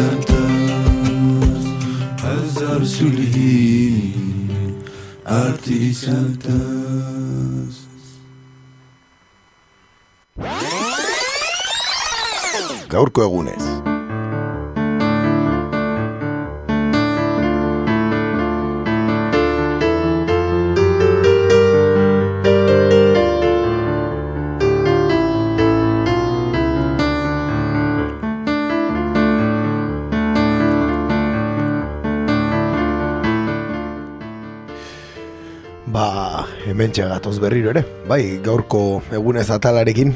Hain zuzen ere, bueno, gaurkoan, e, ba, bueno, azaroaren hogeian izandako bi efemeridei, eh, kasu egingo diegu. Aurreko pasaden, bueno, pasaden e, azaroaren hogeian hogeita ama bosturte. Bete ziren eta e, Galek, Santi Bruar Perez, Bilbon zuen pediatria konsultan erail zuenetik. Luis Morcillok eta Rafael López Okainak tiro ziltzuten Santi Bruar eta hilketa ura egiteko eguna, ez zuten hausaz aukeratu. Izan ere egun horretan bertan hilak ziren Jos Antonio Primo de Rivera eta Francisco Franjo. Mm, Beraz, hoxe, ez? Bai, bai. E, Beraren omenez ez egindako atentatua, ez? Hoxe bera, bai. E, gerturatu gaitezen, ez? Santi Bruaren figura horretara. Eh? Bera lekeition jaio zen, emia bederatzirun emeretzian, eta medikuntza ikasi zuen Baiadolideko unibertsitatean. Pein ikasketak eh, burututa, ba, Euskal Herrira itzuli zen, eta pediatriako espezializazioa egin zuen basurtoko ospitalean. Garai hartan, Bizkaiko lehen ikastolak sortzen lagundu zuen bruarrek. Mila bederatzirun da irurogeita malauan, Espainiako poliziak tirokaturiko etakide bati laguntzeagatik Ipar Euskal Herrira ies egin behar izan zuen. Han, harremana izan zuen etakide historikoekin, batez ere Jose Miguel Beñaran ordeñanarekin, argalarekin. Erregimen frankistaren amaiera aldera, kas alternatiba tasutzeko lanetan parte hartu zuen bruarrek, eta EAS sortzaile, EASeko sortzaietako bat izan zen, EAS irurogeita mazazpitik aurrera jasi, eh, izango zena izan zen, eta bruar berak jasiko lendakari eh, izendatu zuten eta herri batasuna sortzean alderdi horretako kide ere izan zen. Erbestetik itzulita bere medikulanarekin jarraitu zuen, politikan ere parte hartuta. Laro iruan, kartzelaratu egin zuten Espainiako errege Juan Carlos Lehenengoak Gernikako juntetxera egindako bisitaldian Eusko Gudariak abestu zuelako herri batasuneko beste kide batzuekin batera. Herri batasuneko mai nazionaleko kidea izan zen eta alderdi horretako diputatu Madrilgo gorteetan ere. Horrez gain, agintaldi batez Bilboko alkate orde ere izan zen Santibruar.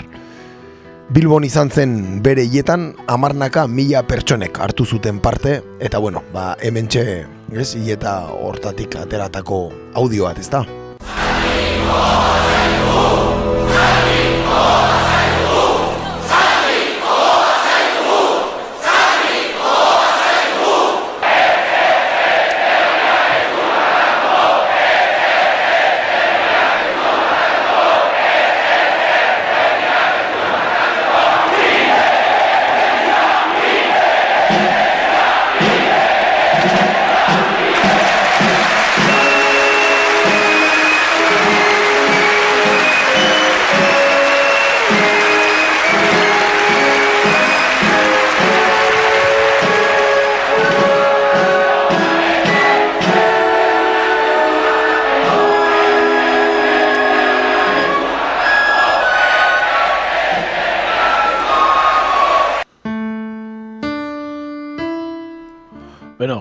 Gernika martxan melankoliatxu eta guzti, eh? milaka eta milaka pertsona juntatu ziren Bilbon eta ikusi ez dituenak, ba, interneten behila, bilatza besterik ez du ikusteko ikaragarrizko jendetza batu zela, eh? Santi Bruar oroitzeko eta salatzeko bere hilketa noski.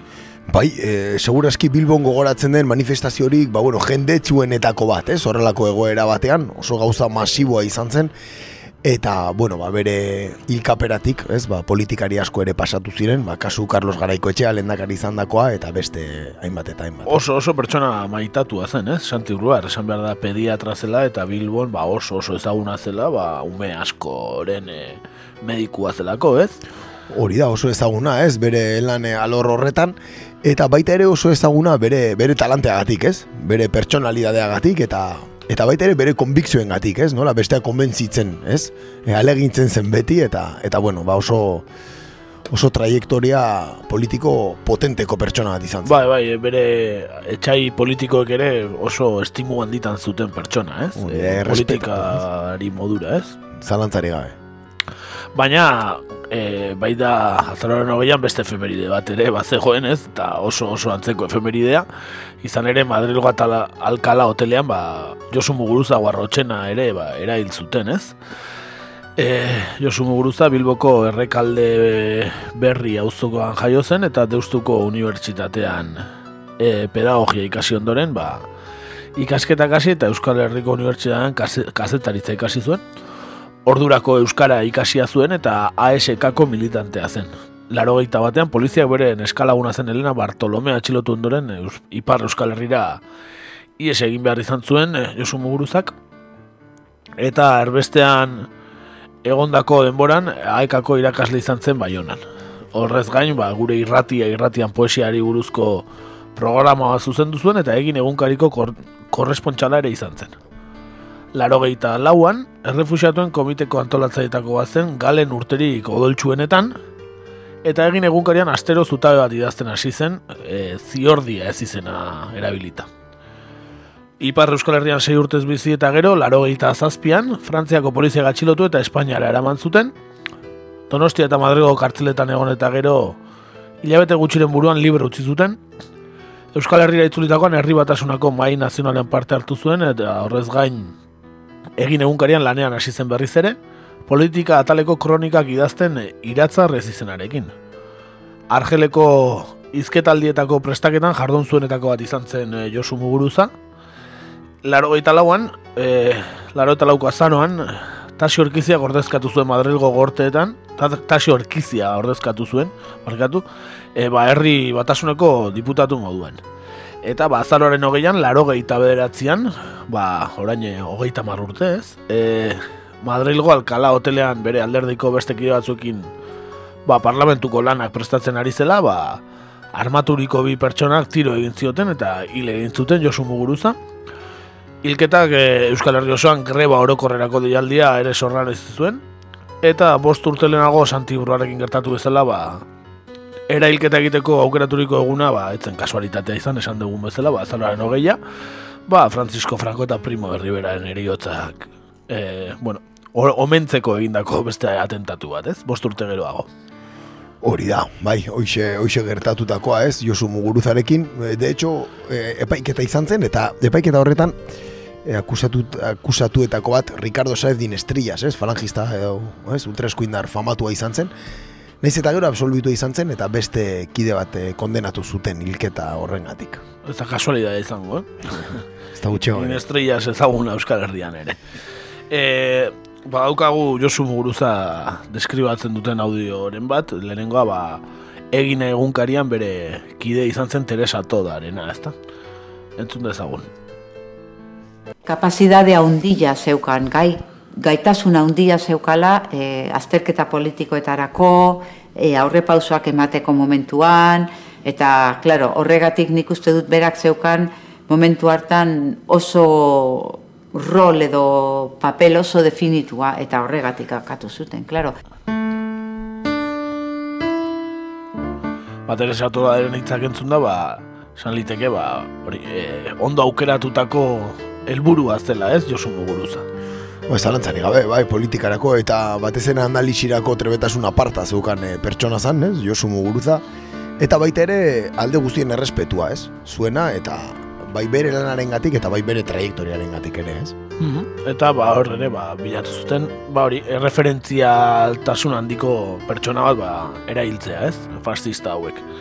E, bere alaba, oraindik bere amaren sabelean zegoela akatu zuten, e, ane muguruza du izena, e, orain hogeita mar urte ditu, noski, eta, bueno, oraindik ez dituen beteko, eta, ba, baukagu bere adirazpen bat ere, entzun dezagun. bakoitza bere garaian erreferentzialak zirela Euskal Herri mailan eta eta paper garrantzitsu bat jokatzen zutela, ez? Orduan e, estatuak ez zuen ez zuen hori hori onartzen, ez? Bazekien arrisku bat zela e, ba, bueno, maila horretako e, pertsona referentzialak e, Euskal Herrian izateak, ez? E, ez zien hon egiten edo. Bueno, gutxi gara era guk esan deguna, baina asko zitzo hobeekin, ezta? Hori da, ez bai, eta beste, ez beste posizio batetik, eh? Batez Bai, ere, bai, ezta? hori da. Inoiz ezagutu ez zuen bere aitari buruz, ez? Eta. Santi buruz ere bai ari zen, ezta? Hori da. Bueno, ba, efemeride ezaguna, ez, Euskal Herrian, baina, beno, ba, ez horregatik, ba, e, ez aipatzekoa, ez, gainera, be, zenbaki borobilak, ez, hogeita mar eta hogeita magost urte, gertatu zirela. Hori da, eta baita ere, errelato horretan lekua, ez? Izan barko luketen eh, ereilketak eta biktimak, ezta? Bai, bai, hori da, lehen eh, entzun dugu hasierako editorialen ere, ez, e, nola, ba, inigo garan barriren testu hortan, ba, nola aipatzen zuen, e, ane, muguruza, ba, biktima hitza ez duela erabiltzen berekiko, ba, ez zaiola gustatzen, ez, daukan konnotazio guztia, edo, ez, ba, egia esan, ba, ez zaio arrazoi falta, ez, biktima hitza, ba, erabat, e, erabilia delako, ez, Euskal Herri hontan. Ba, izentzu jakin bat, ez? E, hartu duen hitz bat izan da, eta eta badirudi, ba, bueno, ez? Biktima guztiak ez direla biktima hitzarekin identifikatzen. Inkreibla bai, bai, Bai, hori da, hori da, ez da hitz neutroa, ez, inundik inora. Hoxe bera. Bueno, ba, abestitxo bat ekarri dugu, atal honekin, ezta? Eta, bueno, ba, abesti guretzat ezaguna, ezta? Bai, eta mitikoa, ez da? Eta mitikoa, hori. Paldikoa, ez? Etxaiak taldearen abesti bat, Bai, gogorra, eh? Horra, bai, gerra Gogorra. zikina, eh? Gerra zikina Denok diskari. dakigunok egina, eh? Hoxe bera, bai, mezu argiarekin, eta bueno, ba, diska bati bere garaian eh, on izenburu eman zion eh, abestia. Hori da, gerra zikina diskako, gerra zikina abestia, ezta? Ba, entzun dezagun etxaiak talde guretzat duentzat mitikoa, ez da? Itxe bera. Aber ba.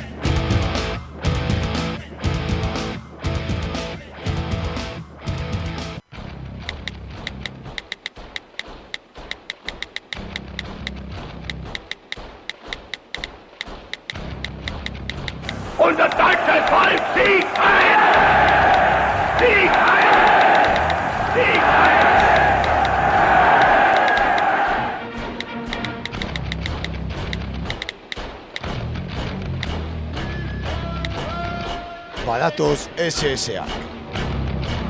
Sare sozialetan egur.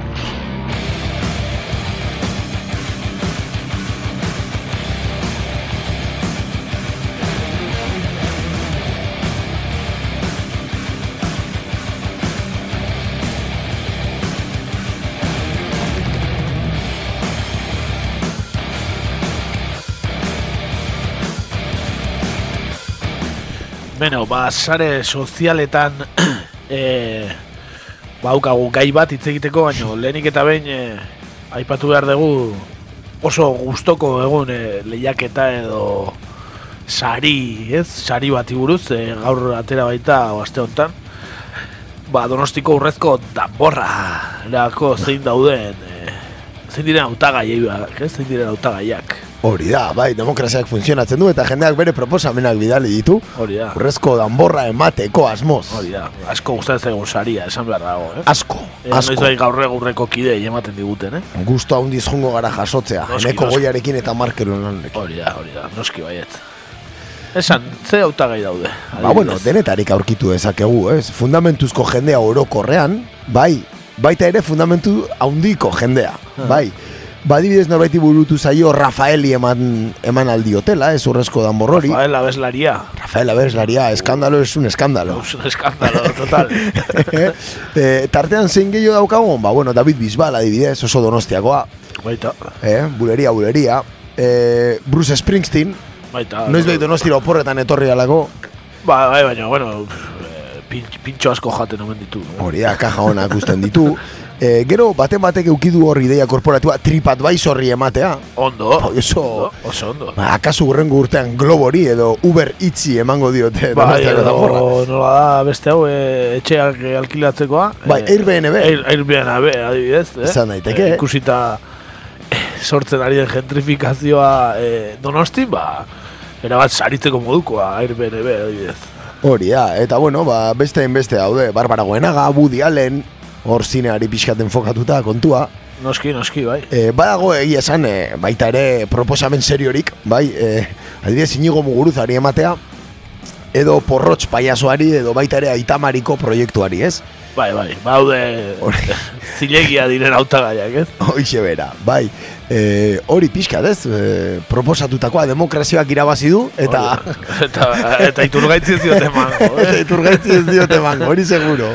Bueno, eh, ba, noski, pentsatzen ariko zaeten bezala entzuleok, ba, pentsatu dugu Twitterren hori galdetzea, ez? Ea ze, zein emango zenioketen zuek, eta guk, ba, horra gertzen ez diren lau hautagai. Falta Jarri diren. ditu, falta diren, era bat, falta diren. Espero dugu ez itxita egote hautagaitza zerrenda, zeren, benetan, eh, egon beharrekoak, eh? Benetan egon beharrekoak. Ja, zuen bozken arabera, gure proposamena bidaliko dugu gaur egurretik. Hori da, e, ba, oixe, guk esango ditugunak.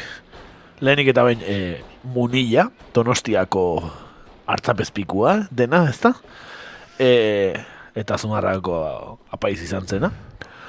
Borja Senper, ez, Barbara Goenagago, baina uste dugu askoz ere gehiago egiten duela donostiren gatik, e, Borja Senperrek, ezta? Zalantzari gabe. Adibidez egitzuen bideo bikainura e, Mikel Erentxulen abestiarekin, o, bakarrik horregatik, Unkigarria benetan. merezi du saria. Edo Santiago Abascal, ezta? Edo dauka Euskal Herriak daukan ordezkaririk handien orantxe bertan, ezta? Bai, Ezagunena. Zalantzari gabe. Edo gure favoritoa. Habe. Guk emango geniokena. Dudarik ez dago. Winston Birakatxa. Claro, Guregatik saria beretzat noski.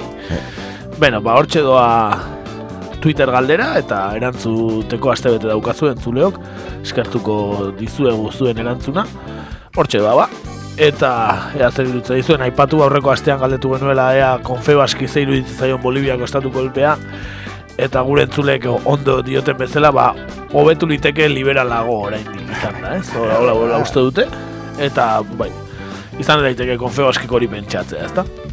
E, hori xe, bete daukezu e, erantzuteko, eta adi-adi egongo gara proportzio aldaketetara, eh? Zalantzari gabe. Hori da.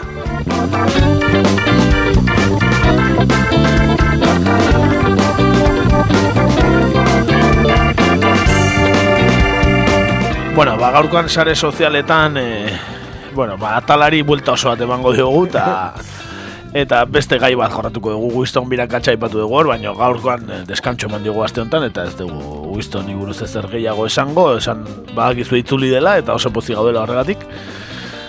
Bueno, ba, beste gai bat eh, aipatuko dugu eh, gaurkoan, eh, YouTube eta YouTuberrak izango ditugu izpide, eh? Euskal Herrian eh, dagoen YouTuber famatuen ari buruz egongo eh, hitz egingo dugu. Ahí ba, kutxo. Nor da Euskal Herriko YouTuber famatuena? Nor da? Jose Ignacio Munilla. Ene bada, ene Bai, bada. bai, bai, hortxe galdera bota dugu, ba, hortxe. E, da orain. oizpo jauna. Ba, bai, benetan e, ikaratzeko moduko datua, baina benetan donostiko oizpoa saretan kiston jario dauka. Astero igotzen du bere sermoia edo homilia edo. Ene Astero, astero. Eta bestelako bideoak ere aurkitu daizkegu ba, bere diocesis de San Sebastián kanalean. Eh? Beretan bikaina, ba, bai, bai, youtuber famatuena Euskal Herrian. Bagizu bat jarraitzaile ditu? Esan? Hogeita zazpi mila jarraitzaile kanala. Hogeita zazpi mila Ojo, jarraitzaile. eh, hogeita zazpi mila, eh, hogeita bai, bai, bai, bai, bai, bai. Ojo Jose Ignacio Muriarekin. Ostra, eh, eh, gancho daka, flowa Hori kanalak, eh, hori kanalak. Kanalak, increíble. Adibidez, bere portadako, kanaleko portadako bideoa, bueno, ba, bueno, ondo labur biltzen du bideoak eh, kanal hori zer den, ez? E, kana, e, bideoa, portadan dagoena lehenengo agertzen den bideoa da, una, fer, una enfermera abortista de Bilbao se convierte en el Himalaya. Nahiko argi gehatzen da, ez? Nahiko argi gehatzen da nundi noa joan kanala, hau, ez? Bai, bai, bai, ez da gauza inoxente eta zitzeiteko, desde Ez, luego. ez, ez, inondik inora ere, ez? Ene ba, erderaz esango nuke que se lleva el gato al agua. Bai, bai, ikusiko du, seguru, kanal, telebista saio hori ikusiko du, seguru, na. ba, bideo honek seireunda berrogeita bos mila bisita ditu, eh? Seireunda berrogeita bos mila. Increíble, Milioi eh, erditik milioi gora. Joder, munilla.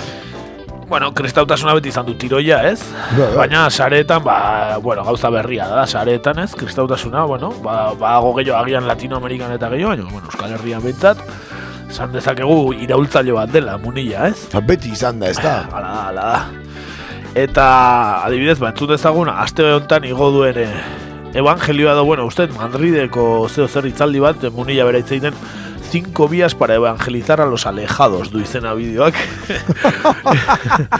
Benetan bikaina, entzun dezagun, entzun? Aurrea, hostia. Podríamos decir una cosa, España es un, eh, es un país de misión. Sí, España es un país de misión. En un tiempo se decía, Francia es un país... A ver, España es un país de misión. Hemos sido misioneros, pero somos un país de misión. Y hay que decir que este 55% dentro del mapa geográfico tiene proporciones muy distintas. ¿eh? Muy distintas. ¿eh? Aquí tengo delante mío ¿eh? al párroco de Rentería, ya quisiera él tener el 55%. ¿eh? Eh, bueno, otros, ciertamente, el, el mapa religioso español se ha invertido, es curioso, el norte de España tradicionalmente fue mucho más religioso que el sur de España y con el paso de las décadas se ha invertido. En este momento el norte de España tiene un índice de increencia muy superior al sur.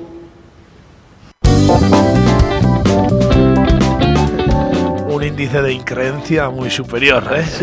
El norte de España, bueno, benetan ikaragarria bere hitzak entzutea. Desde luego, alejados de tu gaitu hori lehenengo gauza, ez? Hori da, hori da. 55% izan esaten zala kristaua Espainian, ez? Bai. Eta, bueno, hori, esaten du, mira quisiera el de rentería, ez adibidez. Bai, ez da, ahora, ahora, eta gero, eh, karkaja batzuk entzun dira atzetik, eh? Bai, bai, bueno, ba hori, eh, eh, ba hori, horrelako kontuak, ez da, ondo ikusten da bere Ere, bada, material sensible da. iraultzailetasuna, ez, munilla jaunarena. e, baina, bueno, e, YouTube izatea ez da Elizak egin duen berrikuntza bakarra. E, gogoratu dezagun, e, lehen espatu egun bezala, munilla Zumarrako apaiza izan zela, Zumarrako auzo batekoa esan dezagun, ez? Bai, hori da, El Salvador parrokiako apaiza, ez da? Ba, bueno, badirudi gure herrian, ba, badagoela gure bi herri hauetan e, Eliza eta teknologia uztartzeko gogoa edo. Zeren, e, izan ere, urretxu arrapaiz bat bada, David Arranz izenekoa, ez? E, gaur egun, deustuko San Felicísimo Elizak apaiza dena. Eta komunikabietan, behin baino gehiotan atera da, Elizak, e, ba, mobileko aplikazio bat egin duelako. Ine bada. Eta, ojo, entzun izena, Confessor Go, da. Confessor Go. Benetan hitze, eh, iz, bikaina, izen berak bikaina, eh, deitzen da, hola, hola deitzen da. Confessor Go, Hori da, hostia, eh, ondo- aplikazioa. Marketing operazio aparta, bai, bai. Hori da, hori da, eta, ba, hori bera agertzen da albiste batzuetan, ez da, esan ez, ba, nola, Espainiako euna paiza baino gehiago, tartean e, urretxu arraen dabiz arrantzau, eta baita munila bera ere, ba, alta eman da daudela aplikazio hortan, ez da? Barka, hori, hau zer da, apaizen grinder antzekoa, edo Edo zertan, zertan zaigea. A ber, a ber, hau zer da. Ba, berez, berez ber. da, berez da, e, edozein fededunek nahi duen momentuan e, konfesatzeko aplikazio bat. Apaizarekin kontaktatzen du aplikazioaren bidez, eta berdin dio non, edozein tokitan konfesatu daiteke fededun hori. Baita zea ere. Bai, eta, bueno, aplikazioaren sortzailea Ricardo Latorre apaiza da, eta entzun dezagun Ricardo Latorre bera, e, aplikazioa eta zitze egiten. Hay muchas más cosas que a mí me hacen ver que Dios quiere en este momento que se reavive el uso de, este sacramento maravilloso que Jesús nos dejó.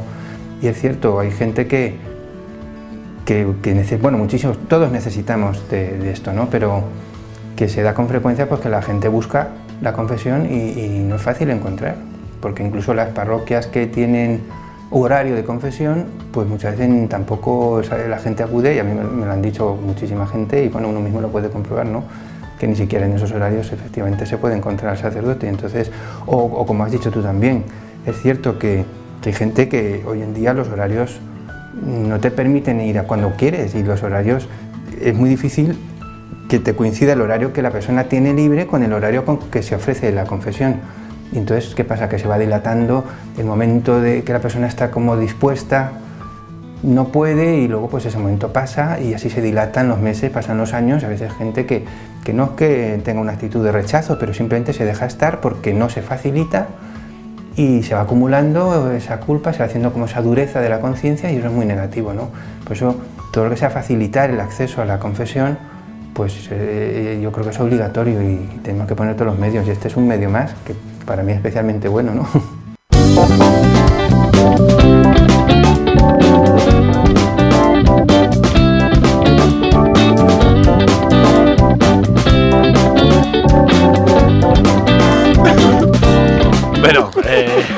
benetan bikaina aplikazioa, eh, Confessor Go, eh? Bai, se va dilatando eta azkenen... Bai, azkenen jendea ez da konfesatzen, ez da konfesatzen, egia da, egia da. Es la dureza del momento.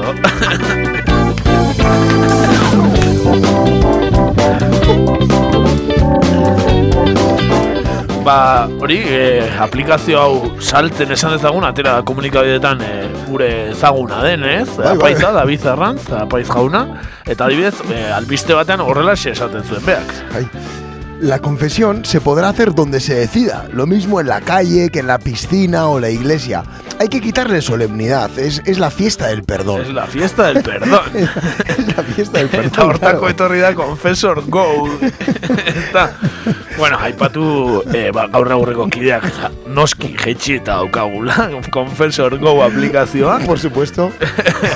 eta oso ondo funtzionatzen dula, eh? Bai, bai, bai, gure kasun ez da bat ere dilatau eta oso ez momentu eh, bai azkar izan zen. Momentu zapaizak ez digu eskatu eh, pertsonalki zita bat, ez da ez, bueno, lasai gaude alde hortatik. Bai, eh, kontu ze perfil argazkiekin, eh? baina bestela lasai hori eta Hori da, hori da, bueno. Bai, bueno, Benetan- ne, teknologia iritsi da ja, bai da hogeita bat garren mendea, eh? Oain bai, oain bai. gerat- Geratzeko iritsi da, eh? Da, Eliza da. katolikora, eh? Confessor Go-ekin. Gogoratu, confessor go.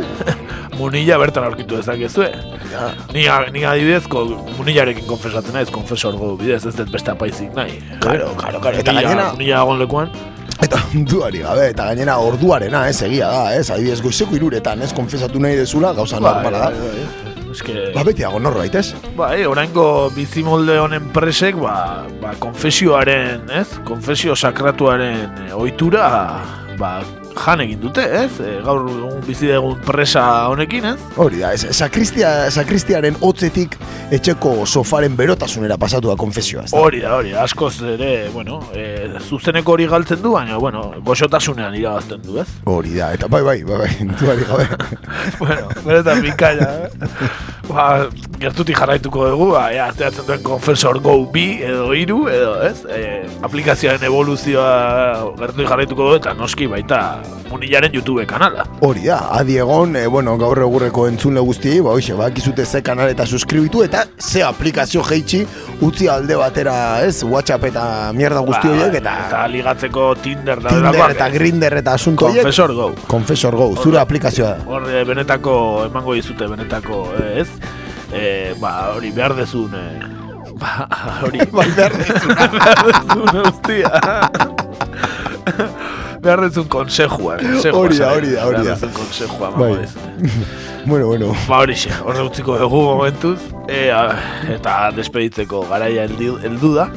Eta abesti, abestitxo bat ekarri dugu. Bai. Ba, ez dakit entera uzean, e, berri txarrak ekutzi egin du. Baizea. Ez entera? Ez, ez, ba. Ba, ez da izango ez dutelako... Ta nolatan ba, eh? nolatan ba. Ez dakit, nolatan ez dakit, baino, baino, bueno, urte osoa pasa dute agurtzen, eta Ah. azte buruetan izan da azkeneko azkeneko kontzertua, ez? Dirudien ez, momentuzko azkeneko kontzertua ikusiko dugu, agian eh, bueltatuko dira atortxu rockerako, baina, bueno. Nor daki, nor daki, ari izan dadila. E, ba hori xe, ez, bueno, e, jende batek oso gustora bizi izan du, ez, despedida turra hau, beste batzuetako turra izan da, ez, e, despedidari gabe, eta, bueno, beste batzuk olatura bildu dira, eta baina ere entzungabeko asko, ba, bueno, gara, momentu historikoa bizi zutelakoan, ba, apuntatu dira tur hortara ere, ez? Hori da, donostiko gurrezko damorrenako Rafael, ez, eh, proposatu zuten berdinek, ez da, da, berdinak hori da, ez txarrak ez dute proposatu, baina Rafael bai, ez da. Bueno, ba hori xe, bakarri dugu, ja, que liza katolikoari buruz aritu gara, bueno, ba, haukate abesti bat, katedral bat deitzen dena, Bai. ez da. Bai. Ba, katedral bat abestiarekin despedituko gara. Hori da. Ba, hori xe, gustatuko zitzaizuelakoan, eta datorren astean denok Confessor Go instalatuta eukiko dugulakoan. Eta diegongo gara, instalatzea daukazue. Ba, hori, despeditzea, esan, e, bueno, bizatitan egin dugula irratsaioa eta orain momentu honetan e, beste bi kideak e, faltan ditugula eta besarka handi bat, biei. Nola ez. Ba, gizu, e, zer dan herri altxatzea, ez da? ba, hori, hortan ari direla. Eta besterik gabe, ba, besarka biei eta besarka bat entzule guztiei eta torren astean hemen egongo gara. Hori da, bitarten gaiztok izan. Hori da, aio, katedral bat, berritxarrak. Gitarra zindu, ta ikusi kanturik baduen, hor non baita ezkutuan. Behatzak bihurritu, ean hor baitek aztua duen, akorde minoren bat. Min eman arte, zure falta izan, ez da musa oberik. Katedral